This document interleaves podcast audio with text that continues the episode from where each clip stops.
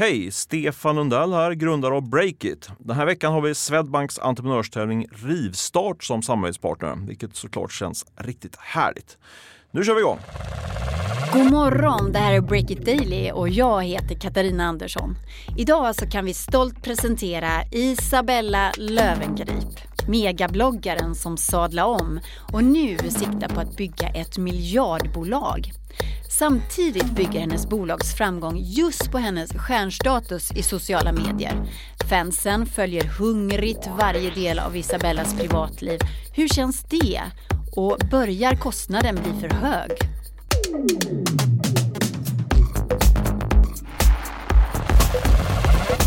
Det är höstlovsspecialvecka här i podden. Erik Wisterberg intervjuar Isabella Lövengrip.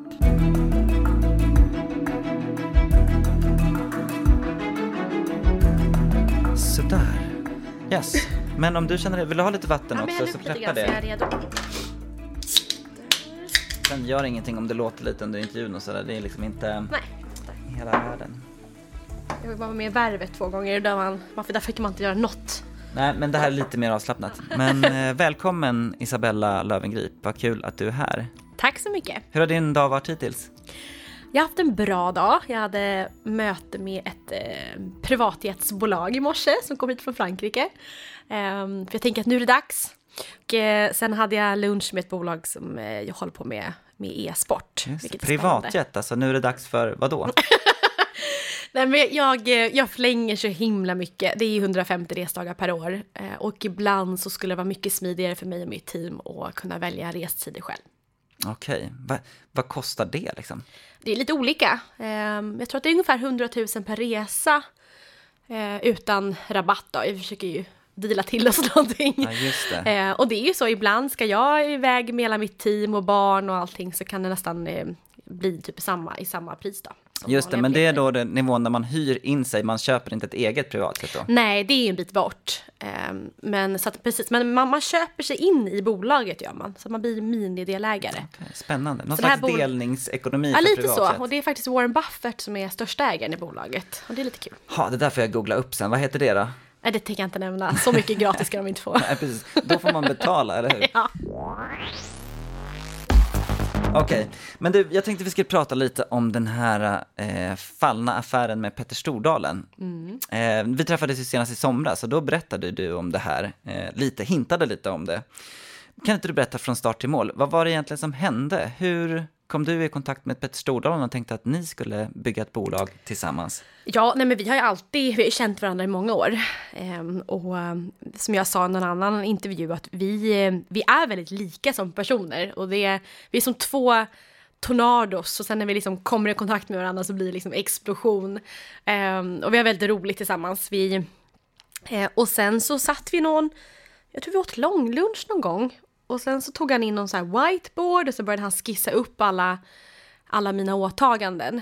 Och det är inte så många människor som jag väljer att vara helt som säger man, transparent med att så här ser mitt liksom, mini-imperium ut. Men med honom så är jag ju det. Och så målade han upp allting och sen så tänkte vi att men vad kan vi göra till gemensamt här utifrån vad du redan har idag. Och själva idén är jättebra. Um, idén var ju, för att han har ju redan börjat med ge sig in i förlagsbranschen. Vilket är spännande och jag har sen jag var tonåring sagt att någon dag vill jag göra Oprah. Medie-imperiums Oprah, eller? Ja. Mm. Jag vill inte ha ett eget tv-program, men, men, någon, men hon har ju sin bokklubb och jag har varit och tittat på henne. Jag har besökt hennes redaktion i New York för att se hur hon byggde upp O-magazine och jag hade ju ego-boost när jag var liksom 20, så att man har någonstans ändå velat gå i hennes fotspår. Men, och där såg du en chans då att eh, nå Ja. närmare den drömmen? Exakt, så kunna ge ut böcker i och med att jag själv älskar läsning. Och, um, men också ha en bokklubb då. Men eh, sen är, jag är sådär intuitionsstyrd. Jag, det skri, varenda cell skriker inombords när det inte känns rätt. Men om vi stannar lite, vad var det för någon typ av bokförlag som, som var på gång då? Det kan ju faktiskt vara så att vi tar upp idén så att jag väljer att och låta det lite vara osagt. Men, men eh, ett bokförlagsidé som ska vara anpassat för min målgrupp. Man får gissa så kanske det handlar om liksom business, ledarskap och den delen, eller är det liksom skönlitterärt? Ja, li, ja, lite bredare än så. Eh, men, men absolut, det ska ju vara anknutet till, till min målgrupp då, som är en kvinna på, på 35.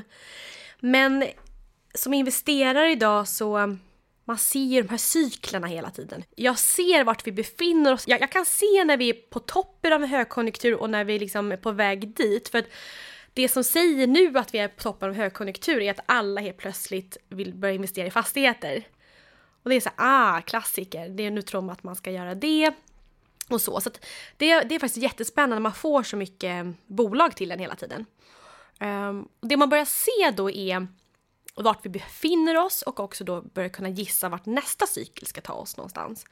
Och sen så sker det och att alla bolag blir digitaliserade är ju någonting vi ser händer och håller på att hända, vissa branscher tidigare än andra. Och bokförlagsbranschen där ser man vissa bolag som Nextory, Storytel försöker liksom ändra hur man ger ut böcker. Ljudbokstjänsterna helt enkelt, ja. streaming. Någon som var först med att försöka bryta ny mark var ju Vulkan som kom för massa år sedan. Mm, Linda Skugges bolag om jag ja, minns rätt. jättehäftigt när hon kom ut och säger att här kan alla som vill ge ut sin egen bok. Jag tror att hon var lite för tidig. Och jag tror att vi kommer se en, en, eh, en digital version av det idag. Men i och med att min fingertoppskänsla inte kan säga hur det nya hur paradigmskiftet ser ut av den här förlagsbranschen så väljer jag att, att eh, pausa mm. investeringen. Du sa ju här att tajmingen inte var rätt, liksom, mm. när du skrev om det här. Och det var samma formulering som du använde tidigare när du la ner eh, planerna på en tv-serie, också att tajmingen inte var rätt. Om man ska vara lite kritisk där, är det liksom ett sätt att släta över projekt som inte kommer i mål? Inte alls, utan det är min, min när jag är som allra bäst, när jag är som vassast som entreprenör, är det för att jag har lyckats pricka tajmingen perfekt. När vi startar skönhetsmärket till exempel. Eh, hur vi ser att det finns en lucka på marknaden, vi kan växa på apoteken. Eh, när jag får liksom gå loss i min eh, timing och gör det bra så blir det bra. Men när jag känner att vi börjar halka efter, och så händer det ganska ofta, framförallt när man bygger saker och ting, då har man en tredje part som ska vara med och göra, någon ska, ska sälja in någonting, och man börjar halka efter och kommer, då, då väljer jag hellre att pausa tills nästa cykel kommer tillbaka.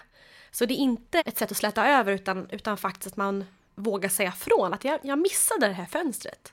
Ja, men det är ett bra råd att ta med sig. Det handlar kanske inte så mycket då om idéns förträfflighet i sig, utan att den måste komma i rätt tid. Och missar man vågen så är det bättre att vänta på nästa, eller? Ja, men det är klart, för det är inget nu som kommer och säger att du, jag har en, en streamingtjänst för musik.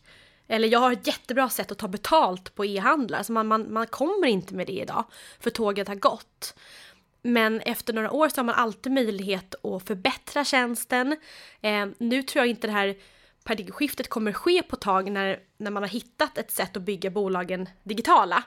Men vi har många bolag och branscher som inte är där än, där man kan komma och kliva in och göra mycket av jobbet. Eh, och faktiskt tjäna en hel del på det också. Det är därför vi har Nordic Tech House. För timingmässigt så har vi, har vi sett att många bolag behöver hjälp med sin digitala resa och där kan vi eh, göra jobbet. Många som lyssnar på det här känner säkert till dig via sociala medier främst och vi på Breakit följer dig mer som entreprenör. Kan du inte bara dra lite snabbt, vad är det för bolag du driver för de som inte riktigt har koll på det? Ja, och det är väl tre bolag som jag, liksom, jag brukar prata om och det är mitt egna lilla bolag eh, som faktiskt ändå är det viktigaste av dem. Och det är Löwengrip Invest och det bolaget är egentligen ett mediebolag. Där är vi 12 anställda som sköter mina sociala medier. Bloggen översätts på fyra språk. Eh, vi är ett stort team, lite Kardashian. eh, det är folk, det är mitt team runt omkring mig som hela tiden får min vardag att funka. Eh, och det är ju själva mitt holdingbolag också, så förutom att det är ett team som gör att bloggen och allting tar sig vidare och Instagram blir större, så är det också massa anställda som hjälper mig att få mitt berömda livspussel att faktiskt fungera. Ehm, så det är det. Och sen är det ju mitt största bolag är ju Löwengrip. Skönhetsmärket. Ja. Och eh, det är det bolag, det är egentligen det enda bolag där jag är speciellt operativ. Där sitter jag varje dag med saker och ting som ska ta beslut om och produkterna som ska byggas. Det är där vi har kommit längst i eh, att finnas på andra marknader. Vi växer snabbast nu i USA, vilket är, jag trodde skulle vara det svåraste landet. Men i och med att vi har valt att gå via Amazon och USA, eh, de är så vana med Amazon och Prime, så märker vi att vi får snabbare tillväxt där gentemot till exempel i Tyskland. Och eh, sen så har vi Nordic Tech House och vi kallar oss för att vi är Venture Builders. Så vi är ett helt hus där vi kan hjälpa bolag att växa. Vi kan också hjälpa jättebolag som kommer till oss, en stor bank till exempel, som säger att vi behöver vara lite mer innovativa, vi behöver matcha våra konkurrenter, kan hjälpa oss. Eh, så allt som allt nu så är vi nästan över 75 anställda och bolagsgruppen springer in i år på ungefär 140 miljoner i omsättning. Du beskriver ju lite själv eh, Löwengrip Invest som ett mediebolag. Men ni går ju också in och investerar i andra företag som Natural Cycles till exempel. Ja. Eh, Den här P-appen som har varit ganska omtalad på sistone. Ja, verkligen. Ehm, Jag var inne och läste lite hur det ser ut, vad ni skriver till bolag som söker en investering. Och då stod det eh, att, så här, att genom våra egna mediekanaler knutna till Isabella Löwengrip så når vi flera miljoner eh, följare, läsare per vecka och så vidare. Och att inläggen du gör får en sån stor eh, genomslagskraft. Och det är som att du är navet i hela det här imperiet. Det bygger ju lite på din räckvidd. Ja. Eh, när du investerar i ett bolag som Natural Cycles till exempel, hur funkar det? Är det att betalar du för det då eller är det just exponering som du, alltså media for equity som det brukar kallas i mediebranschen förr i tiden? Exakt. Eh, den modellen, så började vi att investera. Idag när, no- eh, idag när vet Nordic Tech House växer så kan inte jag, jag blir en flaskhals i alla, i alla investeringar vi gör. Så affärsmodellen har stuvats om lite grann. Men tidigare, gällande Natural Cycles när jag investerade, det var ju redan 2015. Eh, så det var ju ganska länge sedan nu. Och där har du ju varit en tydlig liksom, ambassadör. Där var det tydligt så. så att, men där- har, du, där har du betalat pengar för det eller är det? Nej, så en symbolisk summa som var väldigt låg. Men där gjorde vi så att bolaget hade rest kapital och skulle ut i Sverige och etablera sig. Och där behövde de eh, marknadsföring. Och jag sa det till dem att liksom, ni kan ta några miljoner och lägg dem på TV4 och tunnelbanereklamer och vad det nu kan vara. Men ska man få en kvinna att byta ett preventivmedel så krävs det mer än en tunnelbanereklam. Ni behöver vara hos en person som har byggt upp en trovärdighet hos många i många, många år att få folk att byta preventivmedel måste vara bland det svåraste man kan göra för det är så mycket bakom och också ett nytt preventivmedel framförallt att man vågar lita på en ny produkt. Mm, ja men där är det verkligen en disruptiv produkt som ger sig på en struktur som har funnits väldigt länge. Ja, det är en sak att få mina följare att byta shampoo, men att byta preventivmedel är svårare. Men det gick. Och det handlar om att det var en perfekt match mellan min målgrupp och eh, jag själv. Och jag själv också använde produkten i massa, massa år och verkligen tyckte om den. I, idag är inte jag viktig för Cycles längre och det är helt underbart att det får vara så. Och det är egentligen det som är målet med alla investeringar. Att de ska bli så stora att jag och min följarskara, vi är, liksom, vi är inte relevanta längre för bolaget är på väg i något annat land. Ja men Cycles har en väldigt stor potential. Vi pratar ju om, ibland om det som nästa unicorn här på Breakit. Det blir det, jag är helt övertygad. Hur stor ägarandel fick du där då, 2015? Eh, inte så stor del, utan... utan Det var ett lite oprecist svar där. Nej, men jag har eh, en, en, en mindre del i bolaget, men bolaget är också värderat till en miljard. Så det var inget problem för mig att köpa mitt hus, om jag säger så. Intervjun med Isabella Lövengrip fortsätter strax. Vi ska bara passa på att tacka vår sponsor som gör det möjligt för oss att göra den här podden. Stefan Lundell, grundare på Breakit. Varsågod. Jag tänkte faktiskt ta tillfället i akt och snacka lite säkerhet och innovation. Det är nämligen så att nya Volkswagen Touareg eh, hjälper dig att se runt nästa hörn. Det är faktiskt sant. Eh, tänk dig så här. Efter en lång dag på jobbet rullar du ut från parkeringen och ska precis svänga ut i trafiken. Då rusar en cyklist förbi innan du hinner reagera. Men din bil är redan ett steg före och bromsar automatiskt innan kollisionen är ett faktum. Helt magiskt måste man säga. Den här eh, radarfunktionen från Volkswagen som heter Cross Traffic Assists. Jag är lite dålig på engelska men det är ungefär så man uttalar det. Eh, den upptäcker faktiskt den korsande trafiken redan innan föraren hunnit reagera. Och det är bara en av de tekniska lösningar i nya Volkswagen Touareg som gör dig och medtrafikanterna säkrare än någonsin förut. Upptäck Touareg hos din Volkswagen-handlare. Den har ju förmodligen redan upptäckt dig. Ja, nej men jag funderade lite på innan du kom hit, man kan ju följa ditt liv i sociala medier eh, liksom i realtid i stort sett. Det går ju väldigt fort, det är mycket som kommer ut. Och samtidigt så har du ju den rollen som eh, liksom mediehus mitt i ditt bolags imperium. Det finns ju också en, en baksida med allt det här som har blivit uppenbar på sistone. Eh, jag läste din blogg innan du kom hit faktiskt om att en person som har stalkat dig nu är gripen.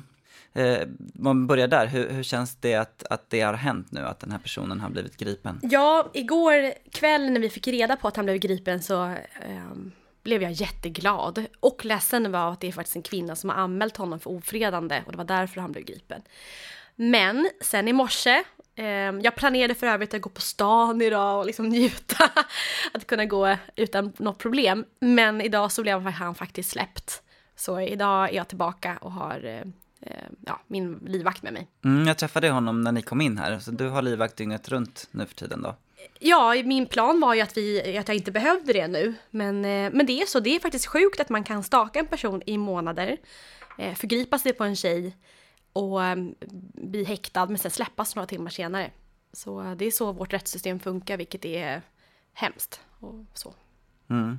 Vi får se hur det går med det där och det är precis som du säger, det är, det är en person som, som begår ett brott här. Mm. Men hur tänker du kring eh, din position som offentlig person när, när det händer något sånt där? Liksom, känner du att det är värt det eller är baksidan för stor? Nej, nej, nej det, det är alltid värt det. Utan det är, men ibland det här är någonting som, som jag får leva med och ibland så tar det mer kraft och energi än, än som till exempel nu med, med honom. Men jag, jag, jag mötte en kompis snabbt på gatan och han sa ju att Isabella, så här var det ju när vi bodde grannar för tio år sedan också. Så det har alltid varit så, så jag har nog varit, jag har blivit ganska luttrad att leva med det.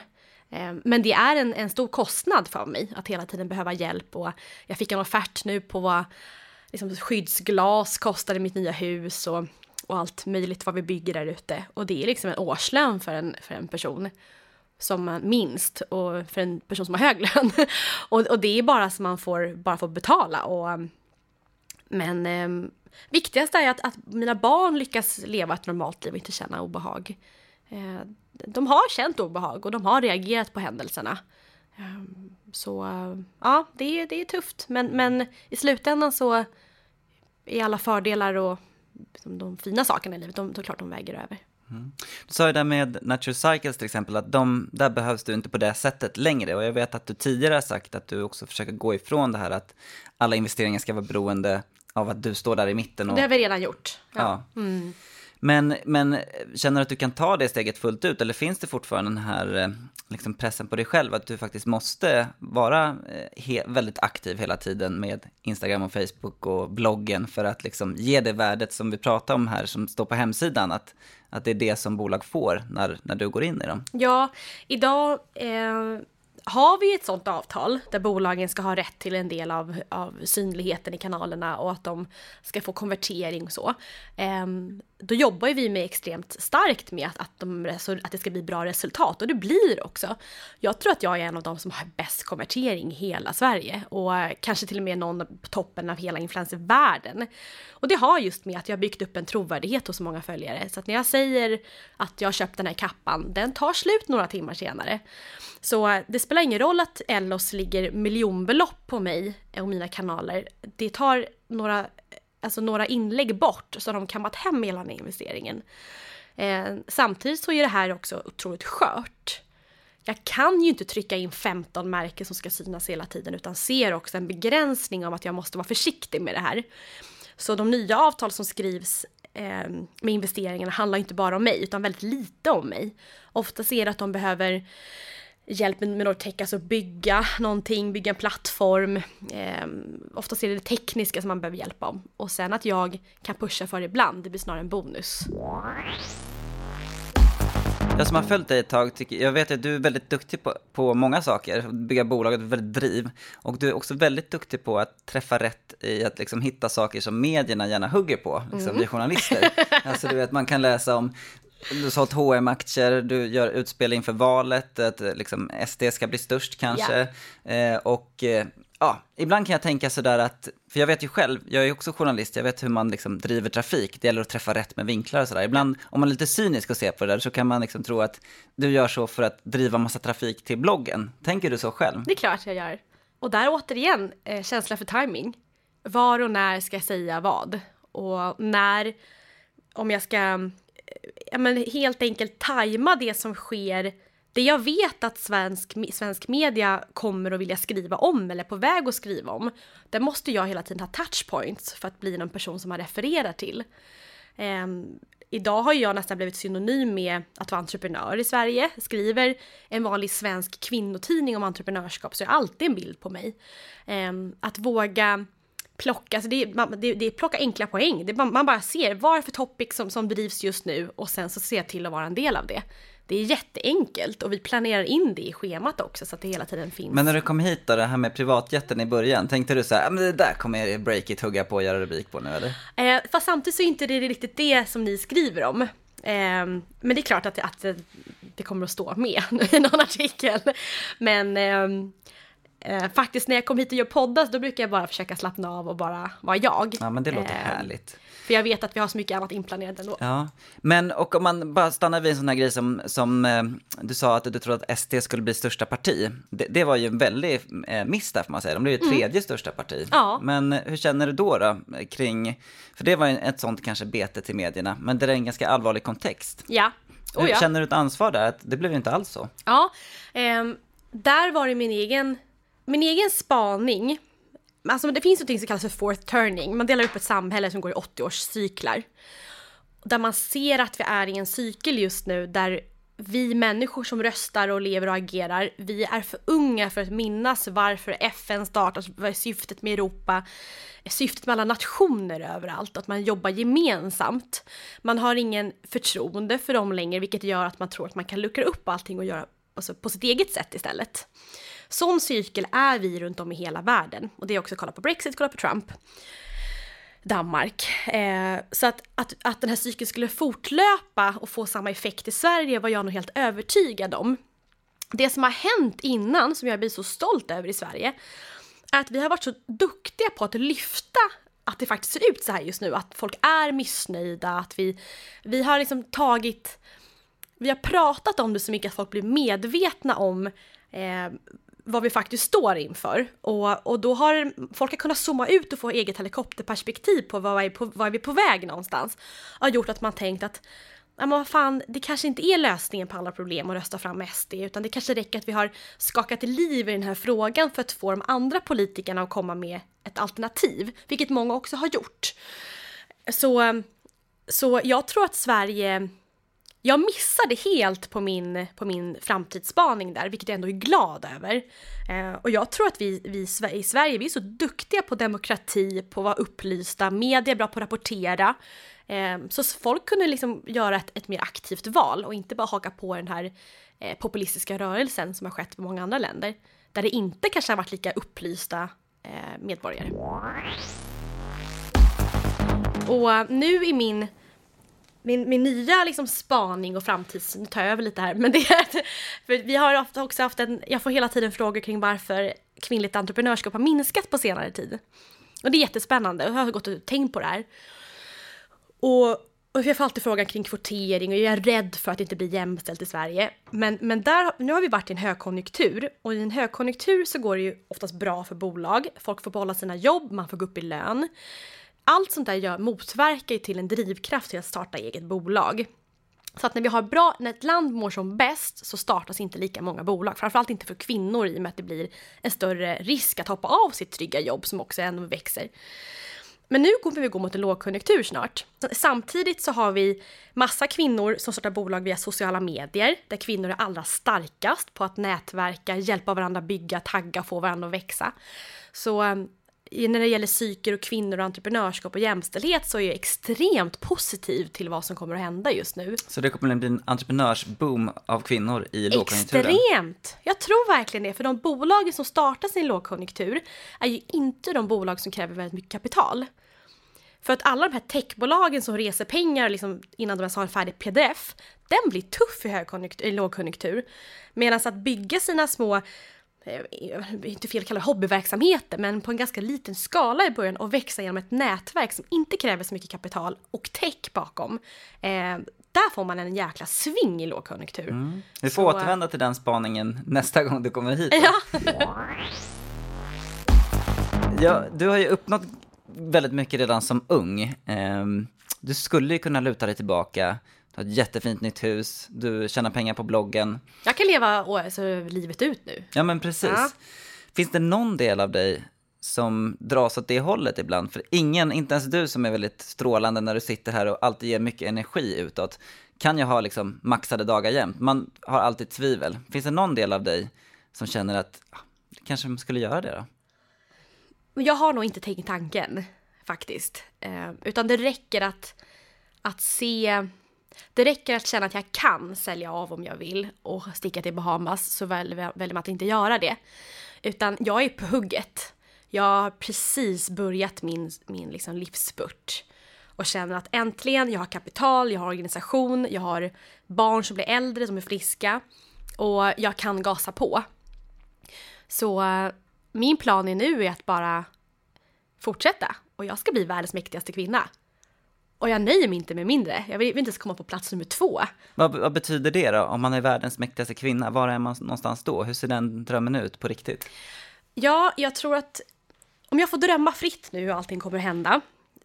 Slår man, slår man ihop värdet på mitt varumärke. Tänker jag liksom slå ihop vad värdet för alla bolag omsätter, vad mitt varumärke omsätter, så tror jag att jag är värd ungefär en halv miljard. Och så nu gäller det bara fortsätta göra liksom agera utifrån de- de värdena som finns överallt. För jag pikar lite i, i varumärke i, i Sverige, så nu måste jag ta det här utanför Sveriges gränser. Så planen är att vi håller på med klona mig nu i sociala medier.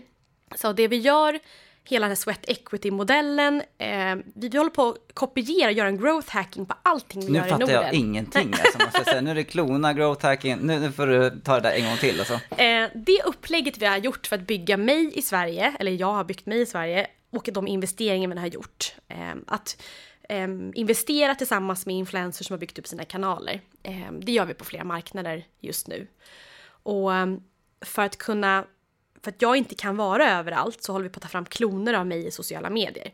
Så vi sitter just nu med en asiatisk version av mig själv, med en spansk version av mig själv och en amerikansk. Och, Pratar du då om liksom personer som är lika dig som redan finns där, eller pratar du om en riktig digital klon? Eller? En helt digital klon. Så vi... eh, Jag har ju så mycket data på mina läsare, vad de gillar och följer, så vi använder oss av all den här datan. Och sen så tar vi fram nu nya influencerkonton där det är en robot bakom. Eller en avatar. Okej, men alltså du bygger botversioner Ja. av dig själv? Ja. Det här låter ju superspännande. Nu känner jag att jag vill ha kvar dig här hela, hela dagen för att berätta hur det här funkar. Men hur, hur, ser den här, hur ser den här avataren ut då? Eh, hon, hon är ju, hon, man ser ju i, i dragen att det är jag, fast de har liksom en twist på alla andra marknader. Men, och är det öppet, kommer det vara öppet då för följarna att det är en, en robot? Det är klart. För tittar man på hur sociala medier kommer att se ut i framtiden. Vi har pratat så mycket om transparent och ska vara trovärdigt och sådär. I framtiden så har det inte någonting med saken att göra. Utan det vi väntar oss, också en framtidsspaning, är att varför man väljer att följa ett konto har med inspiration att göra. Så det innebär att om kontot är riktigt eller inte, styrs av en robot eller inte, det har liksom inte med saken att göra. Det är precis som du kollar på en film. Filmerna vi tittar på behöver inte vara äkta, utan det inspirerar. Och det är så precis sociala medier kommer funka i framtiden. Så nu handlar det om, ta all data, all historik bakom och se vad har folk gillat under alla mina 13 år. Eh, komprimera det här till eh, och använda det i framtiden när vi skapar våra avatarkonton som ska lyckas på varje enskild marknad. När kommer den här äh, bottarmén av Isabella Nej, det är jättekul. Vi, eh, vi håller på att bygga nu så att vi kanske kan få fram en liksom början av nästa år. Så jag sitter just nu med alla personlighetsdrag, eh, hur personen ska vara, vad man gillar och vad man gillar att äta. Vad man, jag måste ta lite hjälp för att få till den här, en klassisk frukost i Hongkong kommer inte vara samma sak som en klassisk frukost i Paris. Nej, vem ska ta bilderna då? Eh, man tar ju inga bilder, utan vi har en grafiker som skapar alla miljöer. Så vår, min avatar kommer ju alltid vakna upp och se, hon har ju alltid vatten utanför hon bor och alltså allting är en dröm. Och det är för att det ska inspirera så mycket. Så målet är i alla fall att bli världens mäktigaste kvinna. Just nu håller jag på att skapa en infrastruktur. Precis som Kina bygger sina Silk Roads runt om i världen med alla hamnar och så, så gör jag det fast digitalt. Eh, bli stor i sociala medier för att kunna exportera eh, inflytande, vem jag är, precis som Kina gör. och, eh, och när man har infrastruktur i sociala medier, man har försäljning, man har starkt varumärke, så kommer man kunna eh, bygga bolag på det. Och de här bolagen kan man också sen ta globala. Så, eh, Ja, gud vilken spännande grej det där är. Sista fråga bara. Har, har du någon namn på de här klonerna? Vad heter liksom Isabella i Spanien eller Kina eller vad det nu är? Nej, vi har faktiskt inte det än. Så... eh, Kan man mailbomba dig kanske? Det kan man göra. Eh, jag sitter, det, vi är precis också i en, i ett nytt skifte av hur vi ska driva verksamhet framåt. Och, eh, jag gillar att ta mycket risk, så jag, jag kastar mig ut och sen så hoppas jag att det funkar. Du har lyssnat på Break It Daily. Det här var en höstlovsspecial med Isabella Lövengrip. Intervjuade gjorde Erik Wisterberg och ansvarig utgivare för den här podden är Olle Aronsson.